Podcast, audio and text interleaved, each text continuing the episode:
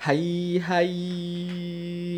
Selamat datang di Renjacast episode 7 or 7 or what?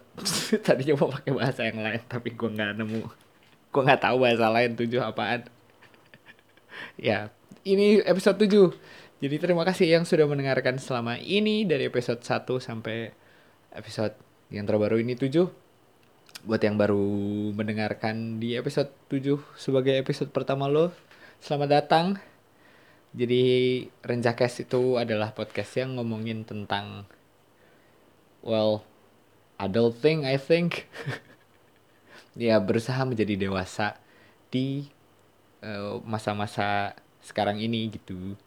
Yang berusaha untuk yang merasa coping hidupnya agak susah, yang merasa kalau hidupnya susah banget gitu. Uh, apalagi untuk yang merantau atau just just struggle in life in general but, well I think you're not alone so I'm here to voice your opinion that you maybe cannot express or something.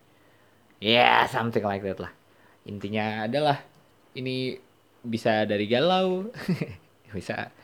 Ranging from everything sih sebenarnya. Ini rangingnya panjang ya. Kemarin gue kita pernah bahas apa aja sih? Pertama gue bahas bahas uh, lebih ke curhat hidup gue juga gitu ya. Kayak how how I pray and then uh, sempat political juga.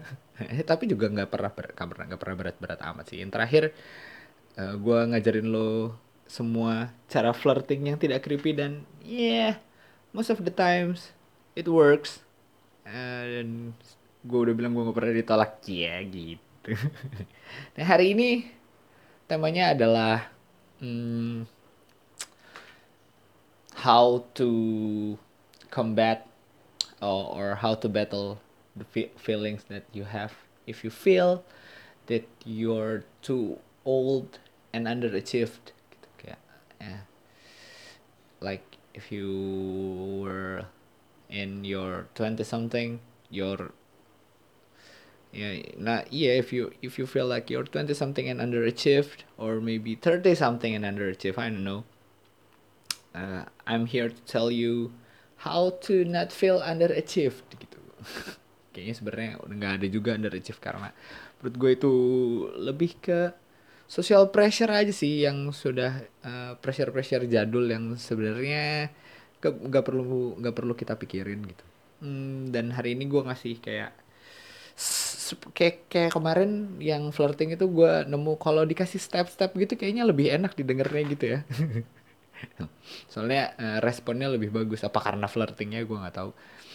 Uh, tapi ya hari ini gue bikinnya agak ada list-listnya gitu biar biar gaul gitu biar bukan biar gaul biar biar lebih sistematis gitu biasanya kan episode sebelumnya gue ranting agak panjang gitu. Oke sebelum mulai ke temanya, uh, ada tradisi di Renjakes ya lah baru episode 7 udah banyak ada tradisi segala. Iya yeah, tapi ada tradisinya dulu uh, ngomongin yang news dulu news news news. Indonesia ada news apa? Oh ya. Yeah. Sebelum podcast ini direkam, news terbaru adalah uh, um, berita musibah ya tentang uh, maskapai penerbangan yang jatuh. Karena apa nggak ke yang dia mau ke flightnya ke mana sih? Mau ke Pangkal Pinang ya? Well, ya turut berduka lah. Uh, uh, untuk mendoakan semua yang ditinggalkan lebih kuat dan kasusnya cepat selesai investigasinya cepat selesai dan uh, gue berharap ini nggak kejadian lagi gitu ya. Uh, gimana pun caranya uh, mungkin mau regulasinya diperbaiki or or maybe dibekukan I don't know how. Tapi ini memang harus di harus dilakukan sesuatu. Dan gue berharap teman-teman yang dengerin ini atau or my friends in real life tuh nggak ada yang nggak ada yang apa ya di masa-masa mencari yang cocok logi gitulah ya. Semoga semoga semoga semoga teman-teman lo juga nggak ada yang kayak gitu yang ya yang menghubungkan bencana dengan sesuatu yang nggak kurang relevan lah kurang empatik gitu rasanya kayaknya nggak enak. Gitu semoga semuanya lancar sehat-sehat uh, kok sehat-sehat ya maksudnya? Semoga semuanya ya lancar diterima dan sebagainya. Gue cukup uh, sedih dan shock ini karena kasus yang berkali-kali ya. Well semoga tidak terulang lagi. Amin. Terus ada apa lagi? Uh, berita yang cukup rame. Oh iya kemarin gue ngomongin Karin ya. Ternyata nggak dijual bro. Si akunnya dia cuman yeah she she rebrands herself so dia menurut gue tapi gue tidak back down sama apa opini gue kalau sebenarnya dia tahu aja kan gitu uh, kebukti lagi gitu gue tahu dia, dia tahu caranya how to sell yours eh how to sell herself uh, in media sense maksudnya ya maksudnya as a brand gitu. Ya menurut gue cukup berhasil sih uh, postingannya lebih terlihat organik dan lain-lain. Terus gue kayaknya ngelihatnya udah lebih lebih enak gitu. Uh, walaupun memang uh, diomonginnya ke mana-mana rame banget masih masih tetap jadi omongan orang well but still it's a good move gitu menurut gue. Nggak ada ya yeah. apa ya? Ya gue sen gue gue sen gue jujur gue lebih seneng aja gitu lihat uh, lihat personanya dia yang baru ini. Terus kayak kemarin walaupun nggak terlalu tidak terlalu terdengar dia riset apa gimana tapi isu yang dia bawa cukup cukup bagus gitu. Dan memang yang aware belum banyak di Indonesia terutama gitu. Hmm, ada apa lagi? Oh itu. MLI ya. ML ya akhirnya kesandung juga. Hmm, gue sebenarnya nggak nggak terlalu ngerasa mereka gimana gimana gitu. Menurut gue kalau uh, kalau komedi sih ya resikonya selalu itu sih uh, apa tersinggungan lalala dan lain-lain itu uh, kayaknya udah makanan mereka sehari dan kayaknya mereka tahu aja gitu sebenarnya harganya untuk melakukan untuk bikin konten kayak gitu mereka tahu aja harganya. Menurut gue ya biasa aja semoga kasusnya cepat selesai sih tapi gue akuin sebenarnya mereka lucu-lucu aja sih gitu. I don't think uh, it's really necessary tapi juga gue nggak bisa bilang kalau yang kalau yang tersinggungnya juga uh, salah ya nggak juga gitu. Kayak I can control what you think so ya yeah, just leave it as that. Biarin mereka aja yang nyelesain gitu. Gue kita menonton nonton aja sih gitu. Gue nggak usah taking sides atau gimana. Saya emang kasus ini cukup. Cukup lucu. Wah gue ikut ikutan cara mereka cara mereka ngomong nih dong kok bentar apalagi ada berita apa lagi sih? Nggak ada ya paling apa kemarin yang rame? Politik ada apa? Oh politik. Petahana ngomong Santoloyo itu agak agak rame ya ya terus akhirnya hanya dengan hanya berbalas pantun lah jatuhnya. Uh, eh, gue pinginnya eh, gue tapi tetap merasa kemarin kita udah bahas kalau politik nggak tahu nih sampai kampanye minggu sekarang gue tidak merasa se-savage yang waktu kemarin-kemarin sih. Ini cuma sequel gitu kayaknya. Kalau temen gue bilang kemarin ini cuma sequel aja. Nggak akan juga bikin orang-orang jadi gimana-gimana gitu pantas aja kalau lebih tone down. Lu ngerasa gitu gak sih? Kemarin gue nanya kalau di grup WA lo di grup WA keluarga gitu masih masih serame waktu kemarin gak sih? Kayaknya lebih ramean waktu Jakarta nggak?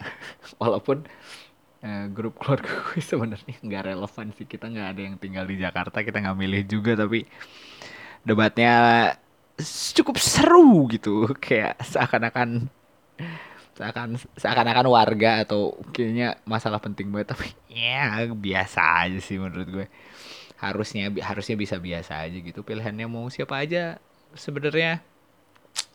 Kalau lo menang eksekutifnya ya lo perjuangin legislatifnya. Uh, karena tetap aja mesti berantem kan untuk bikin kebijakan dan lain eh ya well. Jadi terus juga kalau ada yang nyalah nyalahin kebijakan juga agak lucu karena biasanya sih kalau apa? Ya biasanya yang kalah juga kan tetap punya power gitu di atasnya ya so nggak nggak terlalu seru juga ya politiknya. Semoga berlangsung terus seperti ini. Nggak nggak nggak seru-seru nggak penting gitu. Maksudnya uh, apa ya? Ya gue pinginnya nonton debat. Nanti tuh beneran nonton debat aja gitu. Jadi jadi seru kalau memang ada kalau memang ada isinya sisanya mah ya gitu saja. Apalagi? Hmm gue tidak merasa ada apa-apa lagi yang ramai ya. Udah apa lagi sih? Eh anjir nggak ini deh. Uh, bukannya gue nggak update tapi emang gue ngerasa nggak nggak terlalu seru-seru amat gitu ya. Eh sudah langsung saja dah gitu. Jadi apa? Biasa background background background. Hmm.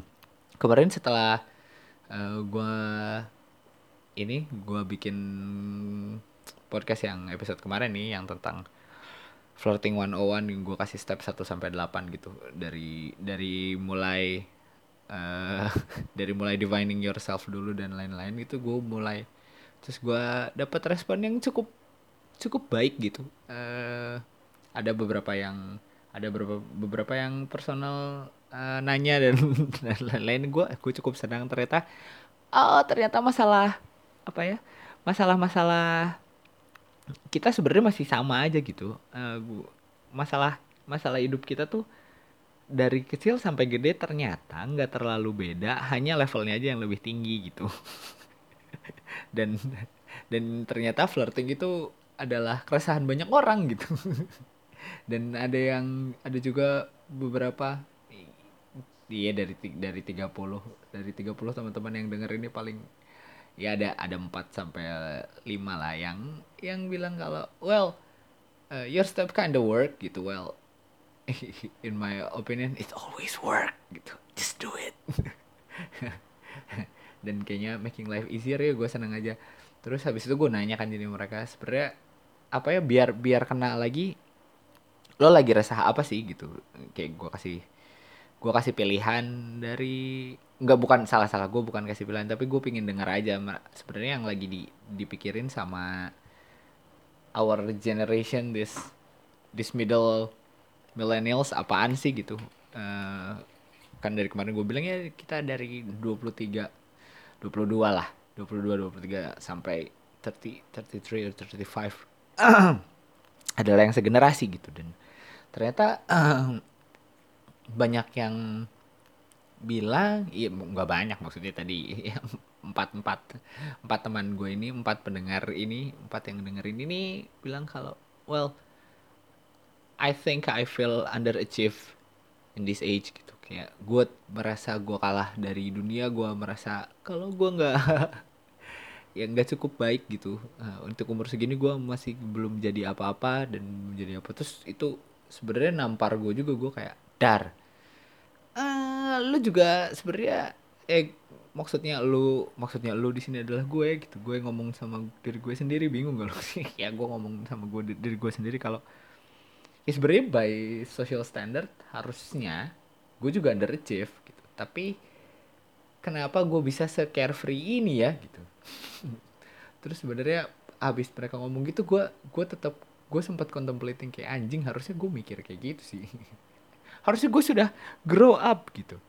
Uh, harusnya gue sudah sudah sudah mikirin mikirin masa depan atau gue sudah sudah harus work my ass off gitu. Harus bekerja lagi lebih keras agar bla bla bla bla bla bla. Tapi terus gue sadar ternyata gak gitu cara mainnya gitu.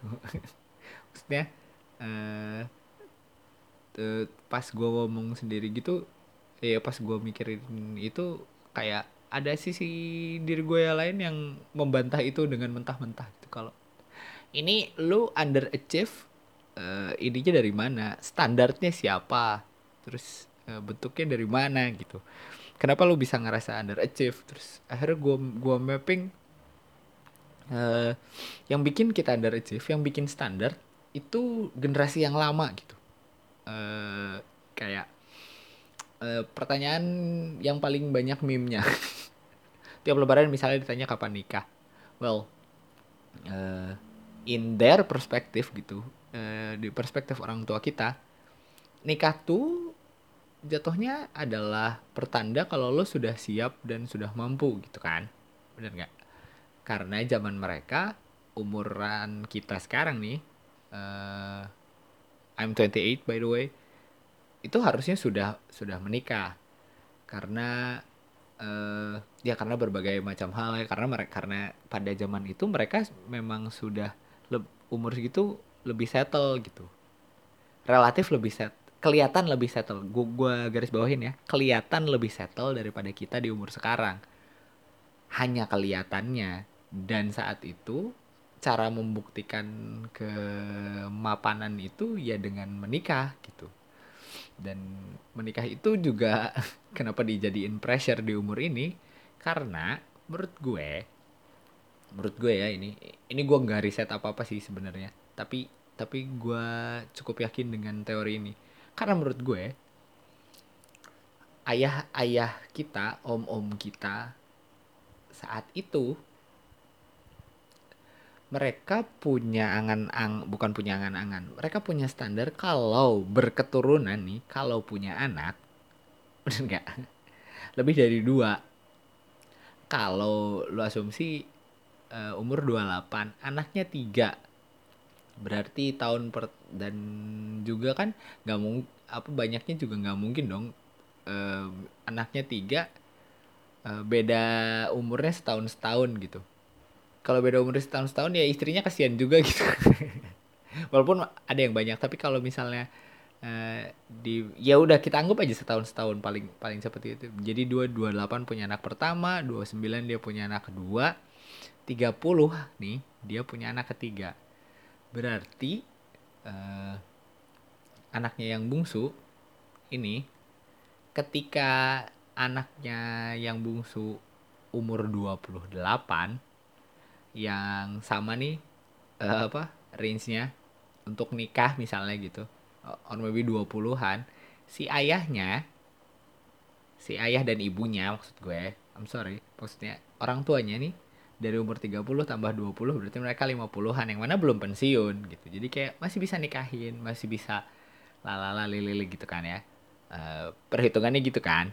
Nah buat kita gue tahu masih banyak temen-temen yang pingin punya anak banyak tapi gue rasa uh, trennya trennya trennya generasi kita ini itu paling punya anak satu apa dua.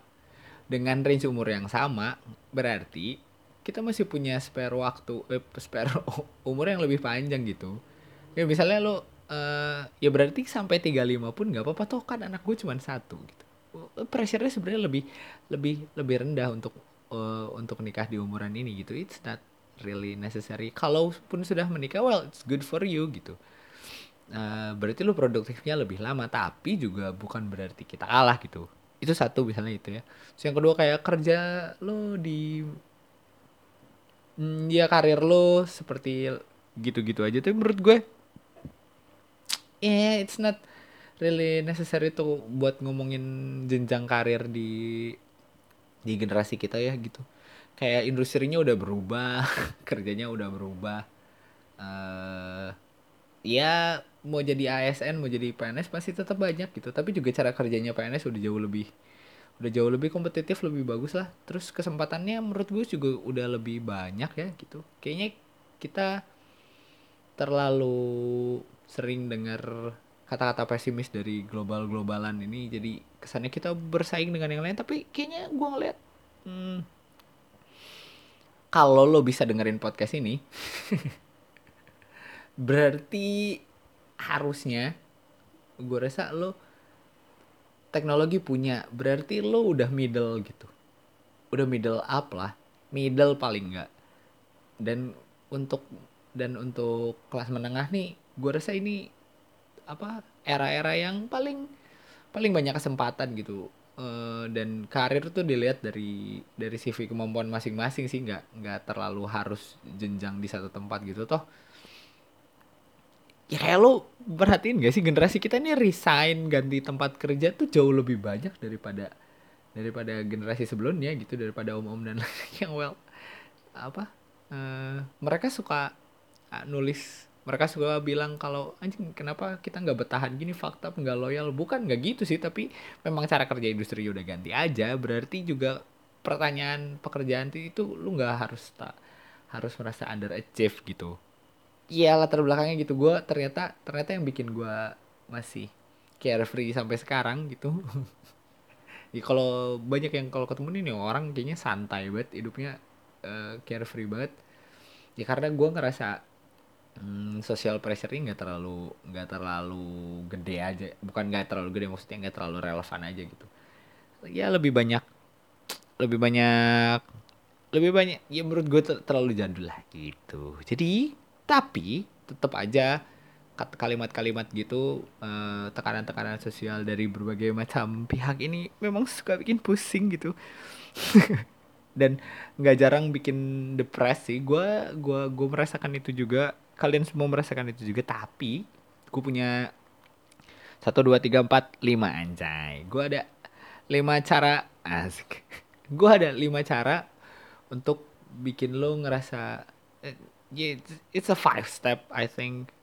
Yeah it's a five step or five tips just to make you feel better about your achievement gitu.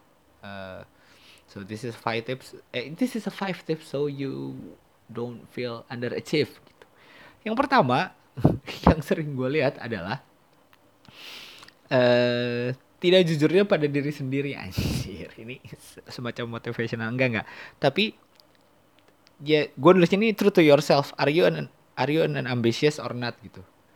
Uh, itu benar gak sih grammarnya anjing? Are you an ambitious or not? Well ya poinnya adalah jadi gue gue suka ngelihat orang itu yang bikin yang bikin orang ngerasa underachieve adalah nggak sesuainya uh, personality dia dengan apa yang dia lakukan.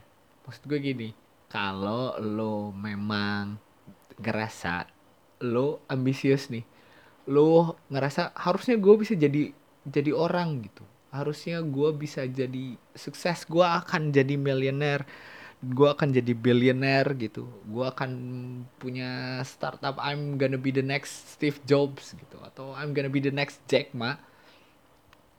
Itu dia ambisius banget uh, dia dia punya ambisi yang gede dan uh, kalau dia memang jujur dia dia memang seambisius itu kayaknya nggak bakal capek untuk hard work yang sering gue lihat adalah uh, orang nggak jujur adalah dia oh, intinya kayak gue nih gue nih seorang yang mager gitu. Tapi gue selalu tapi gue sering sering denial kalau gue gue pingin jadi seseorang. Gitu gue pingin punya gue pengen punya tempat tinggal di sini gue pengen punya mobil gue pengen punya apa gitu. Padahal gue mager gitu. Kalau gue nggak seambisius itu ngapain sih gue uh, ngapain sih gue ikut stres dengan mikirin anjir gue belum punya apa-apa. Karena gue mager gitu kalau lu sudah merasa cukup ya kayaknya lu tidak perlu merasa lu underachieve. Sebenarnya lu udah sukses gitu. Karena ambisi lu nggak tinggi tinggi amat dan it's not a bad thing to have to not being ambitious gitu. Menurut gue sih uh, standar hidup beda-beda gitu. Eh, nggak uh, semua orang harus jadi billionaire gitu. Uh, gue rasa orang yang chill juga banyak yang keren gitu. Orang-orang yang santai juga banyak yang keren kok gitu.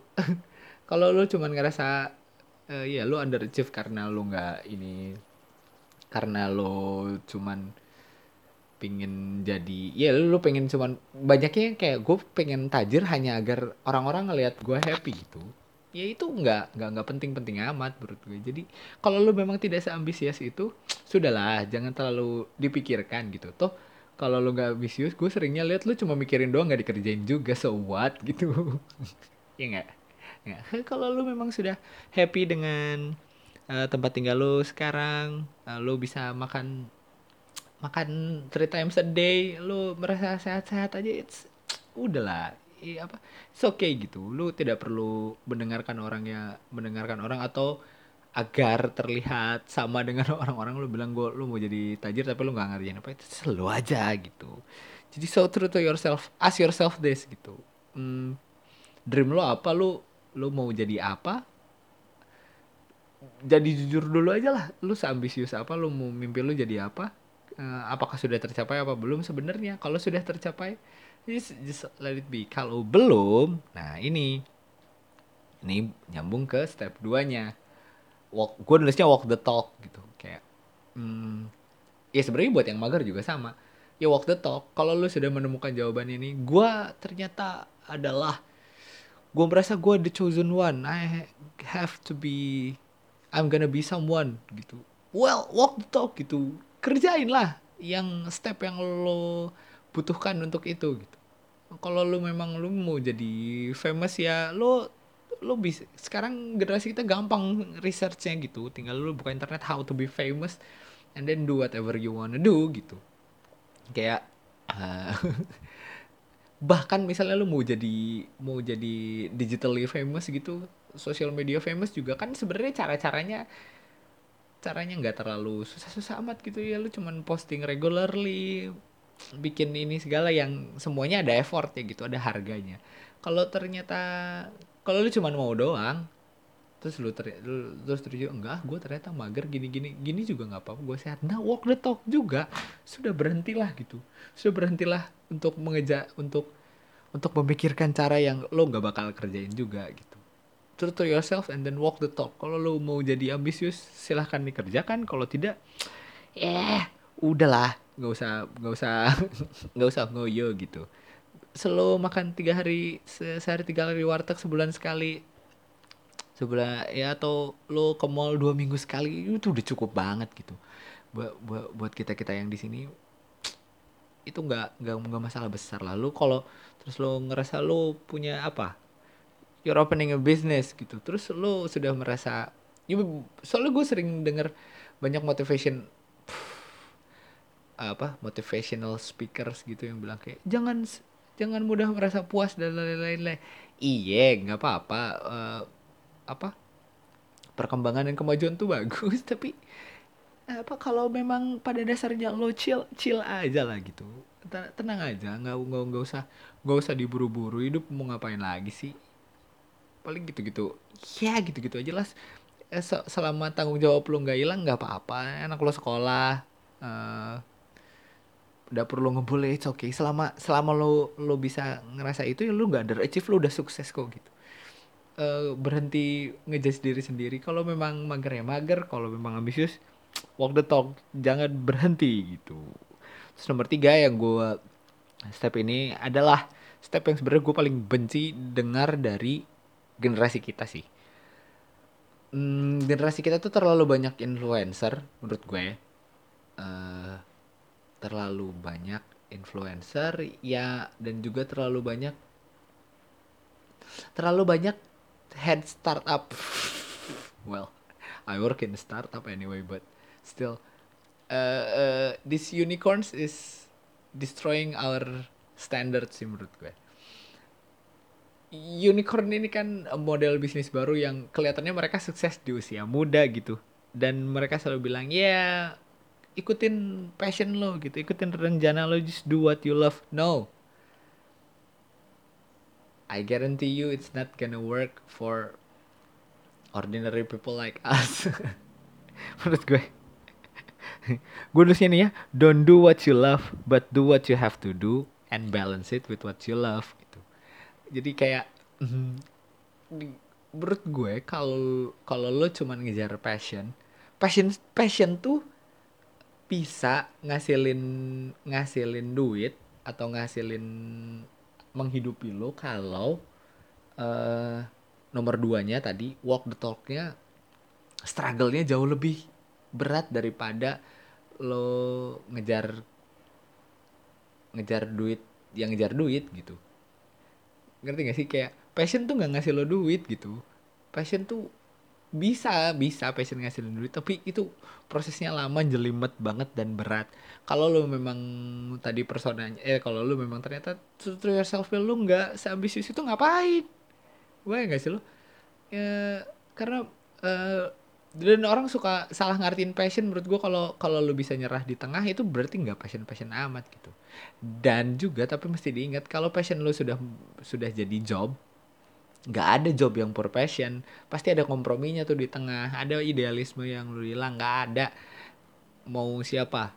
Ini gue Queen belum nonton sih belum nonton tapi gue yakin nggak ada nggak ada satupun band di dunia yang misalnya musik gitu nggak ada satupun band di dunia yang nggak nggak apa mengorbankan idealismenya nggak mungkin pasti ada ya. Karena ini jadi job semua yang jadi semua yang namanya pekerjaan itu berarti uh, apa ada sesuatu yang dikorbankan untuk dijual jadi uang gitu. Ya, itu uh, biasa aja. Jadi kalau menurut gue do what you have to do lah. Kalau sekarang kalau sekarang di umuran ini lo lo lo ngerasa oh kerjaan gue gini-gini aja. Ya enggak lah itu tanggung jawab aja gitu. Selama mereka bikin kita hidup bikin dapur ngebul it's okay gitu.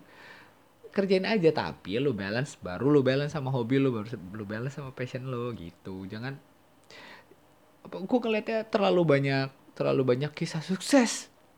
Mengejar passion gitu. Iya dari 2000 yang sukses dua gitu. Nggak semua orang bisa nggak semua orang bisa ngerjain nggak bisa eh, salah. Nggak semua orang bisa ngerjain itu gitu. Nggak nggak nggak usah nggak usah ngoyo-ngoyo sama chill out gitu. Tenang tenang.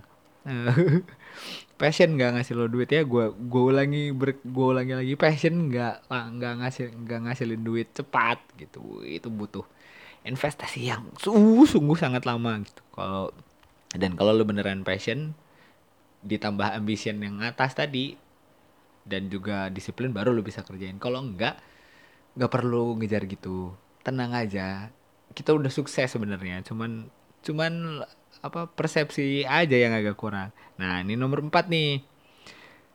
Teman. Gue nulisnya ya you're not underachieved we are not underachieved, but we are underappreciated. So we need to change people in our circle. Bayang nggak? Menurut gue ya, eh, generasi kita nih sebenarnya tidak ada yang underachieved gitu. Secara keseluruhan menurut gue sih kita semua generasi kita ini udah jauh lebih baik daripada generasi sebelumnya. Misalnya nih gue banyak lihat teman-teman gue yang atau yang lebih muda. Kan gue uh, range tapi di masih di masih di range milenial kita gitu ya. Mereka nih mm, kerja just for cuman buat jajan gitu. Mana ada zaman dulu uh, orang bisa kerja buat jajan doang gitu. Kebayang gak lo? Hidupnya udah sebenarnya udah kejamin yuk kita udah better sebenarnya gitu. Terus kayak uh, ya lo kerja di perusahaan kecil misalnya. Dengan iya dengan dengan dengan rate segini emang di atas kertas kelihatannya gajinya kecil. Tapi juga lo masih bisa nonton lo entertainment masih kena nggak berarti tetap aja itu lebih baik daripada generasi sebelumnya gitu loh. Kita tuh nggak under achieve kita cuma under appreciated nah emang kalau orang tua dan lain-lain gak mungkin dong diganti gitu. Masa change your circle gitu kan yang biasanya banyak nuntut itu. Tapi kalau ada temen lo yang yang masih suka toxic menurut gue sudah perlu dikecilkan circle-nya dan tinggalin aja sih gitu. Nggak ditinggalin root tapi ya tinggalin aja gitu. Uh, kurangin aja main sama dia. Main boleh lah tapi kurangin aja tuh kepikiran sama dia gitu. Karena kalau kalau yang bikin kita ngerasa underachieve tuh biasanya teman-teman sendiri juga. Kayak lo kok masih di sini aja sih kalau lo masih gini-gini aja sih gitu? Uh, lu nikahnya kapan kayak who the fuck are you? gitu. Ngapain? Kenapa lu yang nanya-nanya anjing gitu? Emang kenapa kalau gue belum karena emang kenapa gitu kalau kalau gue belum kawin gitu? Tapi juga kan uh, si bentuk teman-teman seperti ini juga ada yang bertanya kalau jauh umur segini udah kawin sih? Gitu. Iya well terus harusnya gimana? Gitu. Ngapain dengerin dengerin dia? Berarti dia kurang apresiasi kita aja gitu uh, mungkin berangkat dari dia yang insecure apa gimana gue nggak ngerti tapi uh, bukan gak ngerti maksudnya uh, eh, gue gak kenal kan sama temen sama temen lo yang ini uh, sama teman-teman lo gue nggak sebenarnya gak kenal tapi ya kalau mereka drag you down always drag you down at least uh, emotionally gitu ngapain sih diterusin? Karena memotivasi gak gitu caranya gitu menurut gue. Kalau uh, uh, apalagi ini untuk uh, untuk teman-teman yang menyadari kalau dirinya ternyata lebih chill daripada ambisius iya yeah, ngapain lo uh, berteman sama yang tukang apa ya yang cuman nge ceritanya ngepush tapi jatuhnya jatuhnya cuman apa jatuhnya cuman ngebash doang gitu buat apaan lah nggak nggak buat nggak penting-penting amat gitu. Jadi kalau lo sudah merasa lo lo tilik nih sekarang teman-teman lo yang suka yang suka ngata-ngatain gak penting pertanyaan gak penting yang suka sok tahu nih yang under appreciate ke kasusnya jatuhnya under appreciation ke lu lebih baik kurang itu karena pikiran main aja sama dia mah gitu. Have fun aja kalau have fun boleh lah tapi tukar pikiran kurang-kurangin lah. Karena bikin capek pak gitu loh. Nah ini nomor lima dan yang terakhir menurut gue penting dan agak kontroversial uh, maksud gue kontroversial karena gue ngelihat banyak gerakan yang justru bertentangan dengan poin gue nomor 5 ini. Poin gue nomor 5 ini adalah gue tulisnya flex it on the gram. Maksudnya adalah nyombong dong di Instagram tentang hidup lo. Tapi kan gue merasa underachieve lu nyuruh gue sombong gimana caranya gue blok gitu. It's enggak enggak gitu. Uh, poinnya adalah gue ngerasa kalau uh, teman-teman yang ngerasa underachieve biasanya uh, menutup diri karena ngerasa kan kan ngerasa underachieve kan? Jadi dia nggak nggak nggak nggak nyom nggak uh, ngerasa hidupnya nggak menarik. Jadi ngapain ah gue post nggak nggak menarik juga hidup gue gini gini aja. Well I tell you what ya. Era sekarang nih menurut gue kita tuh dibangun dari bragging envy dari bragging dan dari envy maksudnya. Kalau uh, dan gue kasih tahu nggak ada hidup nggak ada hidup yang mundane di sosial media. Dan itu tuh sebenarnya bisa ngebantu kita untuk ngerasa nggak underachieve. Untuk ngerasa sebenarnya kita udah udah cukup sukses nih misalnya gini. Uh, teman-teman lo udah pada nikah misalnya gitu they're posting their uh, their wedding pictures lah. Atau misalnya temen lo ternyata malah sudah punya anak anaknya lucu-lucu gitu kan. Uh, they're posted on their social media. Terus lu gue ngerasa ah gue gue belum kawin dan lain-lain. Tapi guess what ya? Gue yakin nih kalau ada yang mendengar nih bapak-bapak dan ibu-ibu uh, yang baru punya anak atau yang baru menikah ada kala sering juga kok uh, mereka sebenarnya kangen dengan hidup-hidup single gitu. Nah angle ini buat lo yang belum kawin. Bisa lo post juga kok. Lo nggak usah perlu malu karena sebenarnya mereka juga ada yang envy ke lo. Begitu pula dengan sebaliknya gitu. Kalau misalnya ada yang ngerasa ah gue sekarang cuman jadi ya gue ngerasa hidup gue sudah sangat domestik dan lain-lain gitu. Gue sangat domestik. Misalnya kalau yang perempuan gue suka ngeliat ada gue ibu rumah tangga gitu-gitu aja juga hidup gue no. Banyak juga temen-temen lo yang lagi kerja nih kangen gitu dengan hidup yang di rumah ya lu bisa lu bisa ngeposting apa aja asli. Lo lo lo bisa lo ngepost ngepost habis masak makanan apa aja itu bisa bisa bikin bisa bikin envy orang-orang yang sedang bekerja gitu. Dan begitu pula sebaliknya gitu. Lu bisa bikin envy bisa bikin bisa bikin envy kayak gitu gitu. Gue ngerasanya uh, oh tapi lu nyuruh gue pencitraan well iya. Karena yang bisa bikin orang diem dan tidak mempertanyakan sesuatu adalah kalau mereka lihat lo happy aja. Dan salah satu outletnya adalah menurut gue sosmed gitu.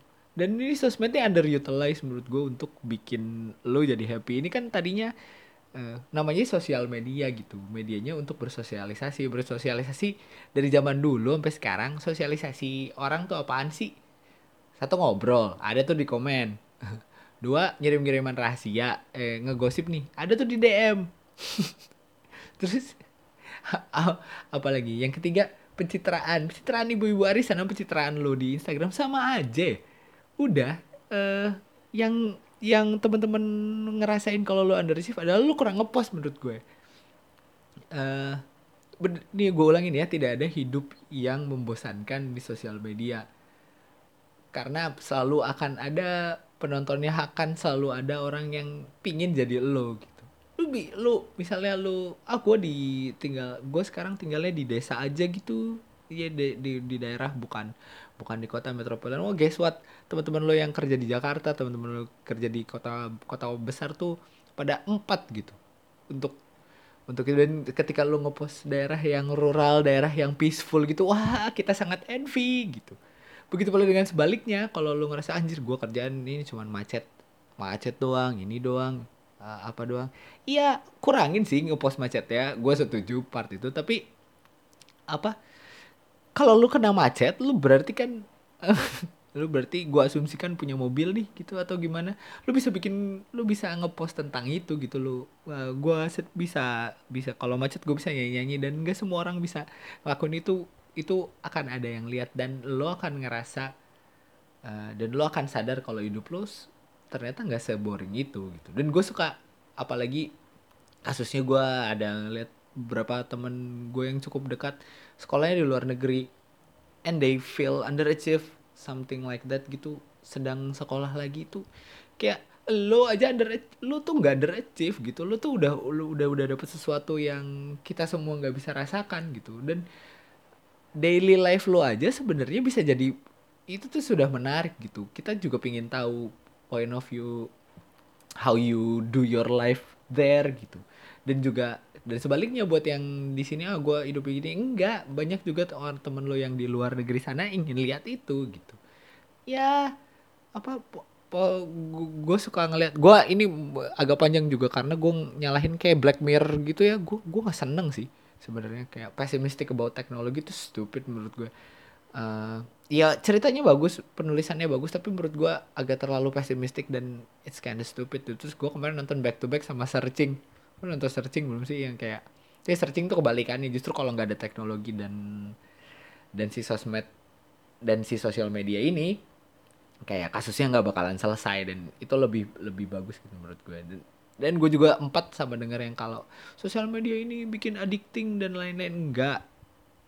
Iya well like dan komen itu memang bikin adik uh, bikin adik re reaksi orang positif itu bikin memang terlihat lebih uh, adiktif tapi ya penggu menurut gue sih uh, medianya nggak salah. Hanya penggunaannya aja gitu. Uh, dan gue ngelihat ketika sekarang sosmed sudah mulai dibombardir dengan dengan pemikiran-pemikiran yang cuman ngikutin orang maksud gue seperti kalau ada kan temen lo yang ngepost politik gak jelas gitu misalnya itu juga kopas dari temen yang lama ini dapat dari siapa gitu. Well it's not their true self. Itu tuh bikin empat gitu. Nah ketika sekarang semua orang sedang marak melakukan itu kalau lo ngepost daily life sel apa selain memang reaksinya akan jauh lebih bagus menurut gue ya lo akan mendapatkan reaksi yang lebih bagus. Yang kedua lo akan sadar kalau kalau sebenarnya hidup lo nggak semanden itu. Gue gue punya banyak contoh temen yang yang bisa apa yang justru feel better dengan dengan sosial media gitu.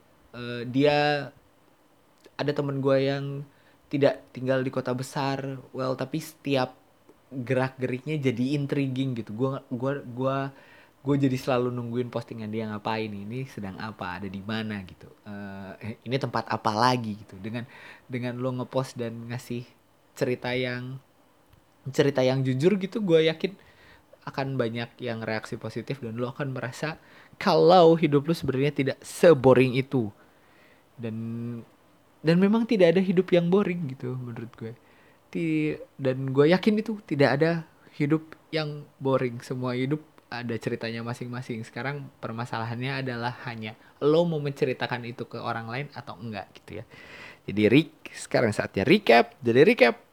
Jadi untuk merasa tidak underachieve adalah satu jujur pada diri, diri lo sendiri kalau lo mau jadi apa dan lo orangnya seperti apa.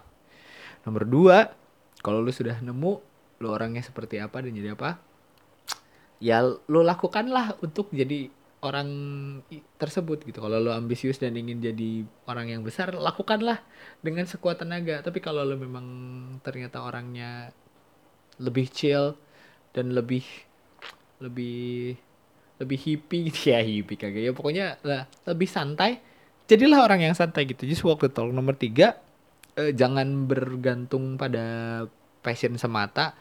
Kerjain yang bisa lo kerjain yang eh, uh, selama kebutuhan lo tercukupi it's good enough you are sukses you're you're so successful. Anyway sisanya baru lu seimbangkan dengan dengan rencana dan passion lo. Hanya agar lu tidak gila. Nomor empat uh, cari perkecil circle lo cari teman baru atau gimana uh, karena you're not underachieved but you're just underappreciated. Just find someone who appreciate you more and then you're gonna be feel and you're gonna realize that you're not underachieved. Nomor lima use your social media to flex. Tuh buat nyombong buat buat ngepost. Sebenarnya nggak nyombong sih. Use your social media to tell your own story gitu ini adalah era di mana semua orang bisa nyeritain storynya sendiri gitu. Lo nggak perlu apa lo nggak perlu terpaku dengan dengan jumlahnya. Uh, lo ngerasa gue follower dikit juga nggak ada ini. No.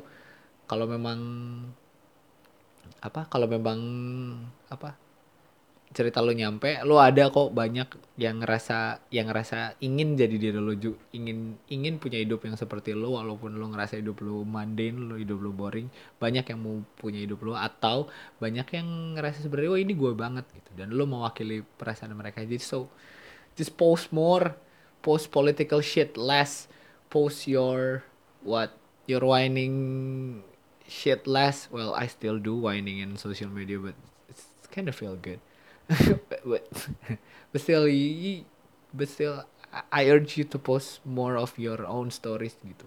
Kita semua sebenarnya kita semua pingin tahu uh, cara lo hidup dan ketika lo menunjukkan story hidup lo dan ternyata lo baik baik baik aja para he, para haters itu ya bukan para haters maksudnya para orang-orang yang yang bikin lo ngerasa underachieve akan diam karena ternyata lo happy. Dan yang kedua lo akan sadar kalau hidup lo sebenarnya tidak pernah membosankan.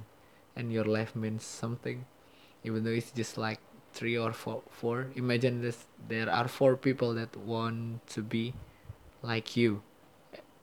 And it's more than enough to tell you that uh, that's your life. Not boring and you're not underachieved but just underappreciated. Begitu. So thank you for listening. This is this has been uh this has been a for this has been great 40 minutes. And thank you for again thank you for listening. Gua Prat rencana dicabut.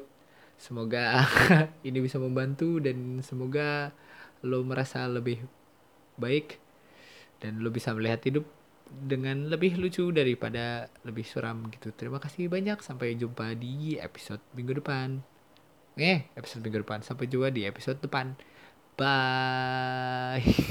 ingat, tidak ada ingat your life is not boring. You're not underachieved but only underappreciated. Bye.